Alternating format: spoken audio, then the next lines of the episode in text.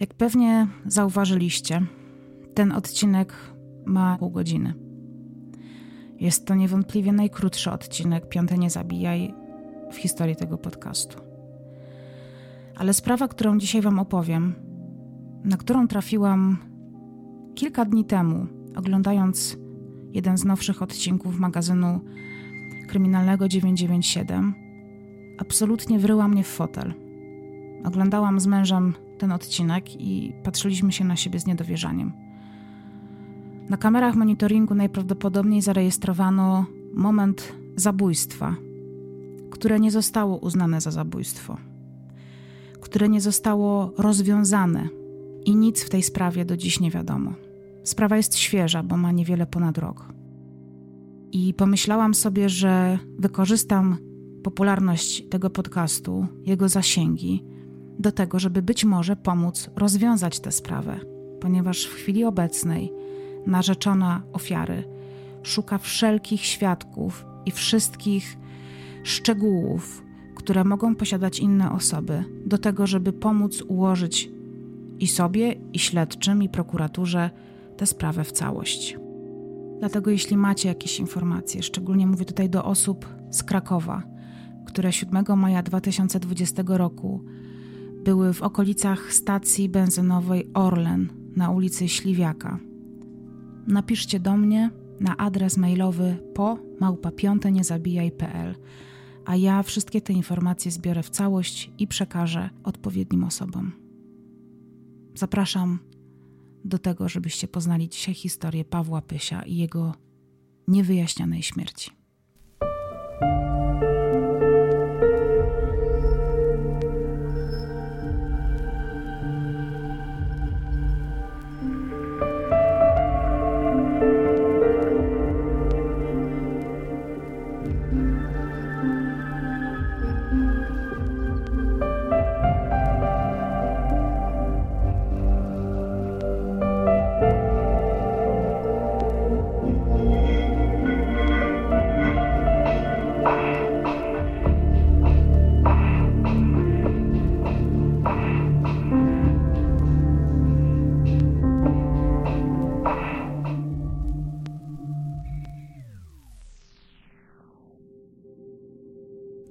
Paweł Pyś urodził się 9 maja 1984 roku.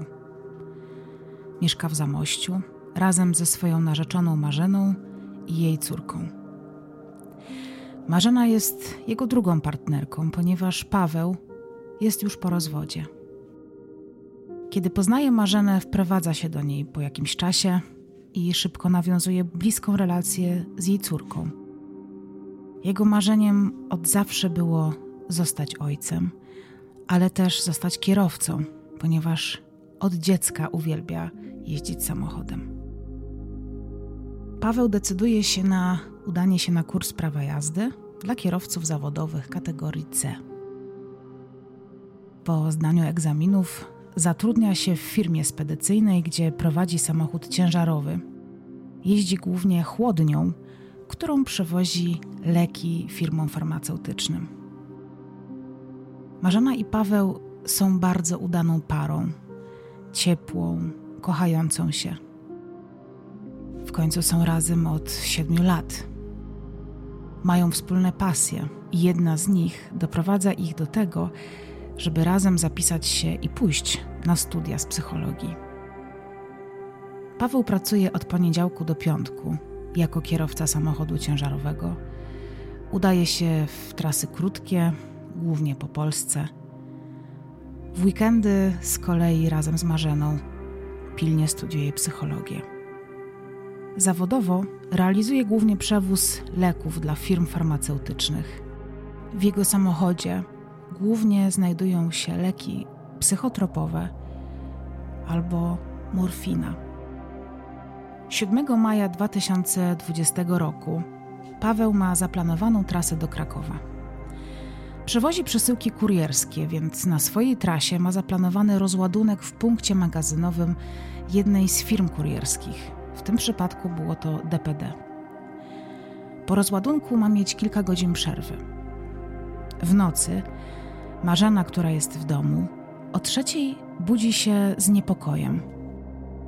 Wysyła więc SMS-a do Pawła dokładnie o 3.14 i pyta go, czy wszystko u niego ok. Minutę później Paweł dzwoni do swojej partnerki i mówi jej, że właśnie podjeżdża w Krakowie na rozładunek tira, a później ma kilka godzin przerwy, więc pójdzie po prostu spać.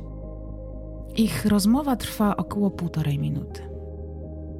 O godzinie 3.15, czyli dokładnie minutę po tym, kiedy y, Paweł dzwoni do Marzeny, na miejscu rozładunku w magazynie firmy kurierskiej, do której Paweł podjeżdża, pracownicy magazynu dostrzegają u niego obrażenia twarzy. Kierownik zmiany zauważa również nietypowe zachowanie Pawła. Wszyscy twierdzą, że jest z nim utrudniony kontakt. Podobno Paweł podjeżdża do rozładunku przodem między doki przeładunkowe, czyli takie specjalne drzwi i otwory w magazynach, pod które tiry ustawiają się tyłem na rozładunek. Na pewno kojarzycie takie doki. Firma zawiadamia pracodawcę Pawła. Zachowanie mężczyzny jest na tyle niepokojące, że na miejsce ktoś wzywa policję oraz karetkę, która odmawia przyjazdu.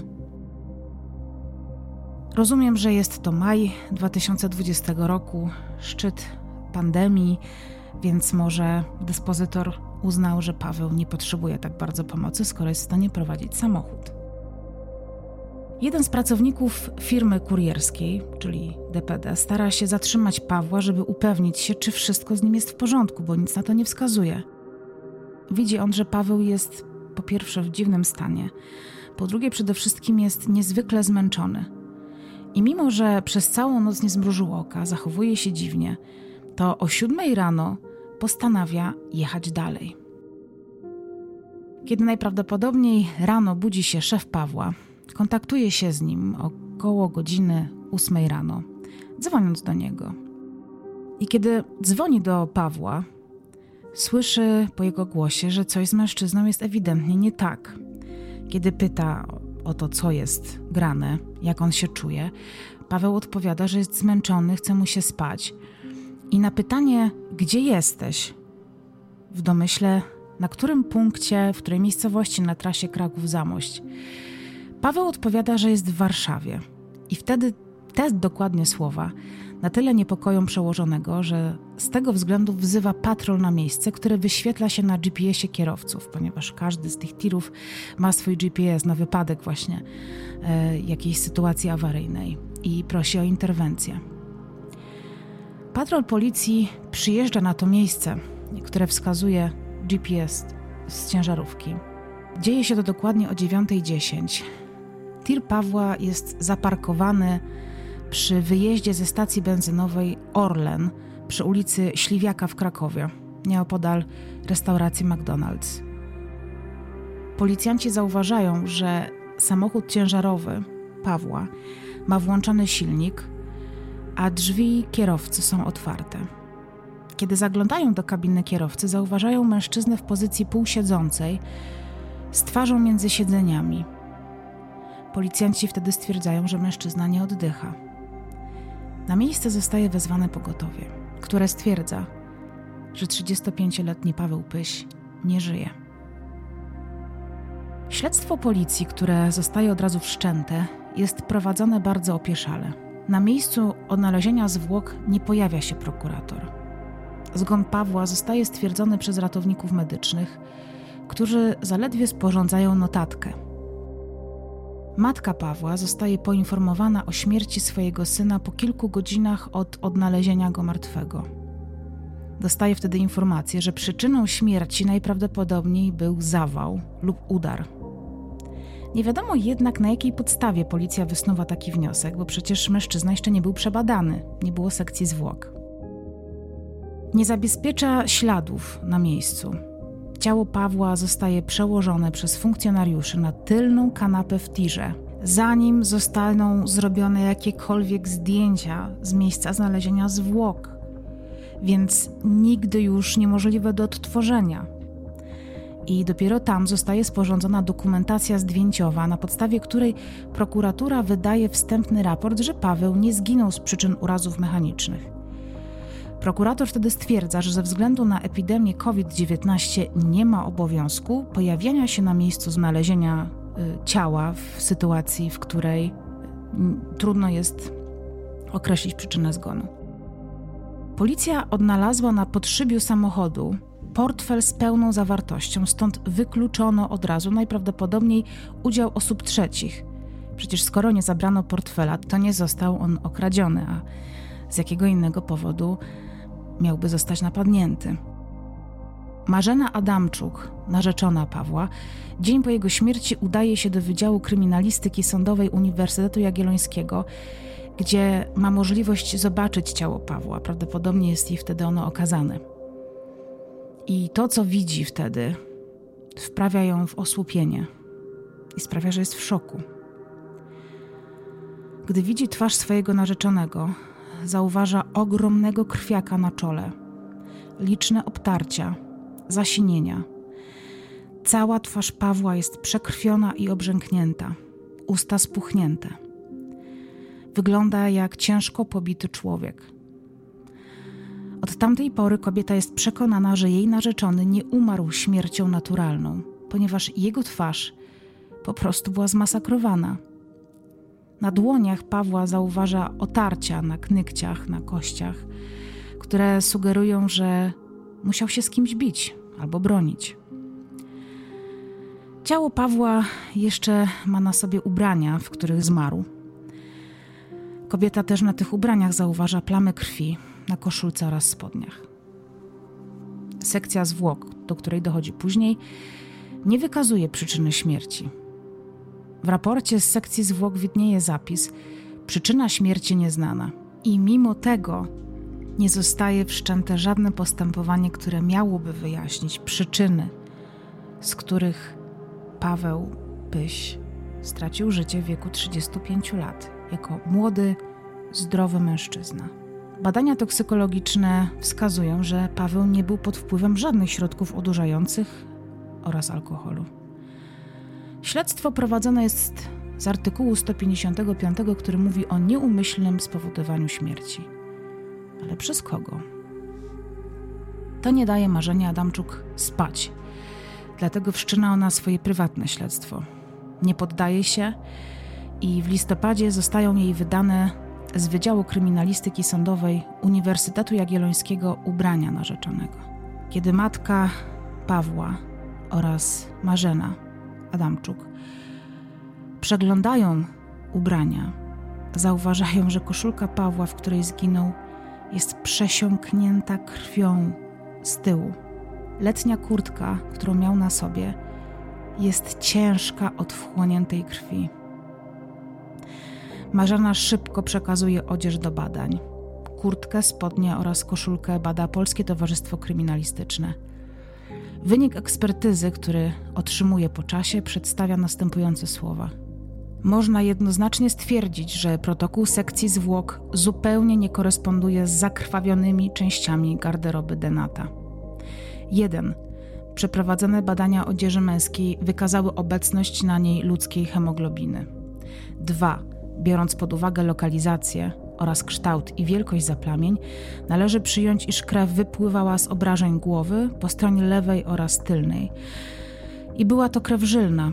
Jej ilość jest trudna do ustalenia, ale była to znaczna objętościowo wartość. 3. Wyniki sekcji zwłok zawarte w protokole są całkowicie rozbieżne z obrazem zaplamień kurtki i spodni, a także badanej wcześniej koszulki. Cały raport Marzena przekazuje krakowskiej prokuraturze jako dowód w sprawie śmierci Pawła. Przypominam, że prokuratura wcześniej nie zleciła badań odzieży Pawła, mimo widocznych śladów krwi, ponieważ wykluczyli, że urazy, które miał na ciele, były przyczyną jego śmierci. Z drugiej strony pamiętajmy, że dzień później po śmierci Pawła Pysia, jego partnerka Marzena Adamczuk zobaczyła go na okazaniu zwłok, kiedy jeszcze był w pełni ubrany a prokurator odmówił przejazdu na miejsce odkrycia zwłok, więc w jaki sposób mógł wiedzieć, że obrażenia, których doznał Paweł Pyś, nie wskazują na udział osób trzecich, na pobicie? Ale nawet ten raport nie wnosi nic nowego do sprawy. Marzena zderza się ze ścianą, ale nie poddaje się i dalej walczy o prawdę. Ustala w ciągu kilku kolejnych miesięcy nowe fakty. Pierwszy to taki, że policja nie zabezpieczyła kamer monitoringu. Nie widać więc znacznej części trasy, którą pokonywał Paweł samochodem ciężarowym 7 maja 2020 roku na trasie rozładunku w firmie kurierskiej, a stacją benzynową Orlen na krakowskim Podgórzu. Po drugie, policja dokumentując miejsce odnalezienia zwłok robi zdjęcia Pawłowi, ale tylko z profilu. I wpływa to na to, że jego obrażenia na twarzy są niewidoczne. Po trzecie, kilka godzin po odnalezieniu ciała Pawła, zarówno samochód ciężarowy, jak i laptop, dysk twardy oraz telefony trafiają w ręce osoby trzeciej, która nie miała nawet prawa użytkowania danego pojazdu, ponieważ należał do innej firmy. Po czwarte, kamery monitoringu ze stacji benzynowej w Krakowie przy ulicy Śliwiaka rejestrują samochód Pawła, to jest bardzo ciekawe. W okolicach godziny 8.10 zaparkowany przy wyjeździe ze stacji. I kamery ewidentnie rejestrują, jak samochód dwukrotnie zaczyna się toczyć do przodu, tak jakby ktoś, albo Paweł, lub ktoś inny, odblokował hamulec ręczny. I być może właśnie był to moment szarpaniny. Po piąte, funkcjonariusze, którzy odnaleźli ciało Pawła, przełożyli je na tylną kanapę. Chcieli ułożyć go w pozycji leżącej, z pozycji półsiedzącej. Z relacji siostry narzeczonej Pawła wynika, że kolana Pawła były już na tyle zastygnięte, że w momencie przenoszenia ciała kolana nie poddały się grawitacji. I plamy opadowe, które zostały opisane w notatce policyjnej, również wskazują na to, że do śmierci Pawła mogło dojść znacznie wcześniej niż o 8.20. I to czas, kiedy Paweł rzekomo rozmawiał ze swoim pracodawcą. I tutaj teraz warto też powiedzieć trochę o stężeniu pośmiertnym, tak zwanym rigor mortis, które zazwyczaj e, rozpoczyna się od 2 do 4 godzin po śmierci. Ale w przypadku, tutaj cytat, gdy osobnik wykonywał wcześniej intensywny wysiłek fizyczny, miał drgawki lub gorączkę, może się tak stać, że stężenie pośmiertne pojawia się tuż po śmierci. Tutaj najbardziej ciekawy jest fakt, że przełożony Pawła podobno rozmawiał z nim w okolicach 8 rano i wtedy wystraszył się tego, co Paweł do niego mówi. I nie wiemy, czy prokuratura dotarła do billingów, czy w ogóle ktoś je sprawdził, czy pracodawca Pawła mówił prawdę. Jeżeli mówił prawdę, to znaczyłoby, tak na mój chłopski rozum, że Paweł przed śmiercią musiał właśnie przeżyć coś, e, jakieś wydarzenie o bardzo gwałtownym przebiegu, że do tego stężenia pośmiertnego doszło natychmiast. To chodzi generalnie o to, że mięśnie wtedy wyczerpują całą energię i do tego mm, stężenia dochodzi szybciej. Telefon Pawła przed śmiercią logował się w pobliżu jednej z hurtowni farmaceutycznych na terenie Krakowa, która absolutnie nie jest po drodze z miejsca wyładunku do miejsca odnalezienia jego ciała. Przypominam, że ten konkretny kurs, mimo że Paweł zazwyczaj przewoził środki farmaceutyczne, dotyczył przewozu kurierskich przesyłek, więc w tym przypadku nie miał żadnego powodu ku temu, żeby zahaczać o jakieś y, hurtownie farmaceutyczne czy inne magazyny. Ten przystanek na trasie budzi wiele pytań i wiele wątpliwości.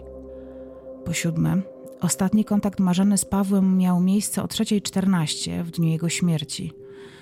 Paweł zadzwonił do narzeczonej w odpowiedzi na jej SMS-a, czy wszystko ok. Około czwartej Marzena otrzymała wiadomość z numeru Pawła o treści OK.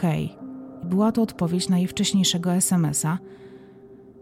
Marzena nie rozumie, dlaczego odpisał jej na tę wiadomość, mimo tego, że rozmawiali ze sobą godzinę wcześniej. Dodatkowo odpowiedź Pawła pod tytułem OK wydaje się być bardzo nie w jego stylu. Zazwyczaj w swoich wiadomościach był bardziej wylewny. I tutaj trzeba zwrócić uwagę na dwie rzeczy. Po pierwsze, na te, y, dlaczego Paweł odpisał na SMS-a o czwartej, skoro rozmawiał ze swoją partnerką. I mi do głowy przychodzą dwie hipotezy. Pierwsza to jest taka, że coś po tym SMS-ie e, od partnerki i po tej rozmowie z Marzeną Pawłowi się stało na tyle drastycznego, że zapomniał o tym, że rozmawiali przez telefon i odpisał jej, ponieważ działał w jakimś amoku czy szoku. A opcja druga jest taka, że ktoś, kto coś Pawłowi w tamtym czasie na przykład zrobił, nie wiedział, że Paweł rozmawiał ze swoją partnerką, więc przeszukując jego telefon, zobaczył powiedzmy wiadomość, która e, interesuje się tym, czy z Pawłem wszystko w porządku. Być może domyślił się, że ktoś domyśla się, że coś złego się dzieje, więc odpisał na tego SMS-a. I to jest pierwsza kwestia. Druga kwestia jest taka, że kiedy Paweł o 3.15 przyjeżdża na to miejsce rozładunku, jego zachowanie zaczyna tam niepokoić pracowników firm, firmy e, kurierskiej. E, natomiast jego narzeczona, która zna go świetnie, mieszka z nim od 7 lat, wychowują razem dziecko, nie słyszy w głosie Pawła niczego, co by wskazywało na to, że coś się mężczyźnie stało. Odkłada słuchawkę i w tym momencie Paweł wychodzi z samochodu, kontaktuje się z innymi ludźmi i oni już wiedzą, że coś złego się dzieje. Co się stało przez tę minutę? Czy Paweł na przykład nie był sam i był zastraszany? Czy, czy chciał Marzenę uspokoić? Czy może coś się drastycznego podczas tej jednej minuty stało? Po ósme, Paweł tydzień przed śmiercią udał się do kościoła i rozmawiał z księdzem. Ofiarował mu 50 złotych, w zamian za co poprosił o modlitwę za siebie. Paweł był wierzący, ale nigdy wcześniej nie chodził na rozmowy do kapłanów. Natomiast w trasę tego 7 maja wziął ze sobą aż trzy różańce. Do tego w tym samym czasie wysyłał marzenie różnego rodzaju SMSy, które zwracały uwagę na to, że ma jakieś przemyślenia dotyczące ostateczności. Na przykład pisał jej, że współczuje jej tego, co ją czeka. Albo cytował piosenkę Grubsona na szczycie, która jest o osobie, która odchodzi z tego świata. Nikt nam nie powiedział, jak długo będziemy żyć, do jakich rozmiarów ciągnęła się będzie życia nić. Nikt nam nie powiedział, kiedy mamy się pożegnać i ile mamy czekać, aby znowu się pojednać. Ramię w ramię, nawzajem siebie wspierać. Rodzimy się, by żyć, żyjemy, by umierać. Aniele śmierci, proszę powiedz mi, czemu w stosunku do nas jesteś obojętny. Najlepsze są dla ciebie młode ofiary, nigdy nic ci nie zrobiły, a traktujesz je jak psy. Kolejny motyw, który ustaliła Marzena Adamczuk, to taki, że pracodawca Pawła wielokrotnie miewał problemy z terminową zapłatą wynagrodzeń. Podobno był w nie najlepszej sytuacji finansowej i miał długi. Kobieta wielokrotnie wspominała Pawłowi, że może czas zacząć pracę dla innej firmy. Ale Paweł jednak nie chciał rezygnować, dawał szansę swojemu pracodawcy i był wierny swojej firmie. Ostatnia rzecz, którą pani Marzena Adamczuk ustaliła, to to, że no nieoficjalnie oczywiście, z rozmów z prokuraturą w Krakowie, że za przyczynę śmierci Pawła w prokuraturze w Krakowie uznają padaczkę alkoholową, mimo że badania toksykologiczne podczas sekcji zwłok nie wykazały u Pawła żadnych substancji oraz alkoholu. Paweł poza tym nie pił tak dużo, żeby cierpieć na tę chorobę. Marzena nie poddaje się i do dzisiaj walczy o prawdę. Prośbę o pomoc w rozwikłaniu sprawy kierowała do Andrzeja Dudy, Zbigniewa Ziobro, a także prezesa Kaczyńskiego. Mówiła też o tym, że do tej sytuacji, do tego 7 maja 2020 roku, wierzyła w system sprawiedliwości. Po tym dniu utraciła ją kompletnie. Narzeczona Pawła deklaruje, że jeśli nie uda jej się ustalić nic i niczego w sprawie śmierci jej ukochanego, odwoła się do Europejskiego Trybunału Praw Człowieka w Strasburgu. Jest przekonana, że ktoś zabił Pawła lub go pobił, co spowodowało jego śmierć.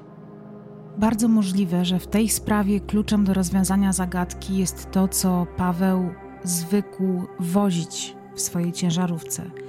I mówię tutaj o lekach, o specyficznych lekach, ponieważ psychotropowych oraz o morfinie, która jest, słyszałam takie opinie, że jest silniejszym narkotykiem niż heroina jest silnie uzależniająca, e, o ogromnym działaniu, e, bardzo wyniszczająca organizm i bardzo ceniona na nielegalnym rynku obrotu właśnie narkotykami. Bardzo możliwe, że Paweł albo był świadkiem jakichś transakcji nielegalnych, jakichś układów. E, być może dostawał pogróżki, wiedział, że ktoś czyha na przykład na jego e, jakiś transport, który E, miał robić, e, miał go na przykład dokonać w jakimś tam terminie. Być może ktoś groził mu, że jeżeli nie odda dobrowolnie, tutaj robię cudzysłów, dobrowolnie nie odda tego ładunku, to coś będzie mu zagrażało. I na to trochę wskazywałyby mm, te kwestie, o których mówi jego narzeczona, narzeczona Pawła Pysia, o tym lęku, które ewidentnie Paweł musiał odczuwać w ostatnich tygodniach, kiedy zwrócił się do kościoła, zwrócił się do księdza, prosił o modlitwę, e, woził ze sobą e, aż trzy różańce, e, bał się śmierci, był ewidentnie zlękniony i zestresowany istnieje w naszym kraju i na całym świecie coś takiego jak mafia farmaceutyczna. Mm, tutaj nie mówię o firmach farmaceutycznych, które handlują nielegalnie lekami. Mówię tutaj o przestępczości zorganizowanej, która wydobywa mm, nielegalnie z takich miejsc właśnie leki do tego, żeby wprowadzić je do nielegalnego obrotu, y, gdzie trafiają one już w postaci narkotyków, a ich wartość rynkowa jest kilkadziesiąt, a nawet kilkaset razy większa niż w obrocie legalnym. Bardzo możliwe, że właśnie były celem jakiegoś ataku. Co prawda, z tej ciężarówki oficjalnie nic nie zginęło. Jednak pomyślmy sobie, że Paweł mógł wcześniej wiedzieć o procederze, na przykład jakimś, do którego dochodzi w jego pracy. Mógł coś wiedzieć, mógł być może sam świadomie lub nieświadomie brać w nim udział i posiadał zbyt dużą wiedzę na temat tego, co dzieje się nielegalnie podczas takich transportów. Dlatego teraz przekazuję ogromny apel, ponieważ w tej sprawie niewiele wiadomo, wiele dowodów zginęło. Ale jest szansa, że ktoś z Was, e, ktoś z Waszych znajomych, kto mieszka szczególnie w Krakowie, na przykład znajdował się w maju w pobliżu miejsca, w którym odnaleziono ciężarówkę Pawła. Dlatego przekazuję w imieniu wszystkich osób zaangażowanych w tę sprawę apel. Jeżeli ktoś z Was wie coś więcej na temat śmierci Pawła Pysia, który zakończył swoje życie w wieku 35 lat, który też rano między 8 a 9.10 7 maja 2020 roku został znaleziony na drodze wyjazdowej ze stacji benzynowej Orlen przy ulicy Śliwiaka w Krakowie. Proszę o kontakt. Paweł poruszał się białym samochodem ciężarowym marki DAF o numerach rejestracyjnych WPR 0888G. Być może ktoś z Was albo ktoś z Waszych znajomych, ktoś z Państwa ma kamerkę samochodową, stał na światłach albo kupował paliwo na stacji. Tuż obok znajduje się tam restauracja McDonald's. Może ktoś z Was jadł tam wtedy śniadanie, kupował kawę, czekał w McDrive'ie i widział kątem oka stojącą wielką białą ciężarówkę. Być może ktoś z Was coś zauważył osobę, która wokół tej ciężarówki się kręciła, być może Pawła, który w tej ciężarówce wydał wam się jakiś dziwny, potrzebujący pomocy. Napiszcie proszę do mnie maila na po małpa.piąteniezabijaj.pl a ja wszelkie informacje anonimowe będę przekazywała dalej. Dziękuję Wam dzisiaj za wysłuchanie tego odcinka. Jest on mocno konkretny, i mocno mm, skoncentrowany na tym, żeby tę sprawę rozwiązać. Dlatego dzisiaj tutaj nie usłyszycie ode mnie różnego rodzaju y, spekulacji, ponieważ wolałabym, żeby na początku ta sprawa się przede wszystkim mm, wzbogaciła o jakieś y, nowe dowody, bardzo możliwe, nowe świadectwa Dlatego proszę Was, żebyście przejrzeli swoje rejestratory, przejrzeli swoje kalendarze. Być może przypomni Wam się, że między 8 a 9.10 byliście w okolicach y, stacji Orlen przy ulicy Śliwiaka w Krakowie y, i będziecie mogli pomóc. Dziękuję Wam Polecam Wam też zajrzenie dzisiaj do źródeł, gdzie znajdziecie linki do materiałów e, źródłowych, między innymi do mm, jednego z nowszych odcinków magazynu kryminalnego 997, gdzie chyba jako jedynym z tych materiałów jest pokazana ciężarówka właśnie w tym momencie, w którym następuje ten bardzo dziwny ruch e, tego pojazdu, wynikający mm, najprawdopodobniej ze zwolnienia mm, hamulca ręcznego. I być może to Wam też jakoś, mówię tutaj do osób obecnych w tamtym mm, dniu w okolicy, e, da coś do myślenia, przypomni wam coś. E, to są miejsca niezwykle zatłoczone, szczególnie w takich godzinach, więc to, że tam byli świadkowie, jest w stu procentach pewne. Tylko teraz kwestia, kto ile zapamiętał. Czy ktoś przypomina sobie, że właśnie był tamtego dnia, bo to zdaje sobie sprawę, to było półtora roku temu. Ale z drugiej strony, może a nuż ktoś taki się znajdzie i na to bardzo gorąco liczę. Dziękuję Wam bardzo za uwagę i do usłyszenia już za tydzień.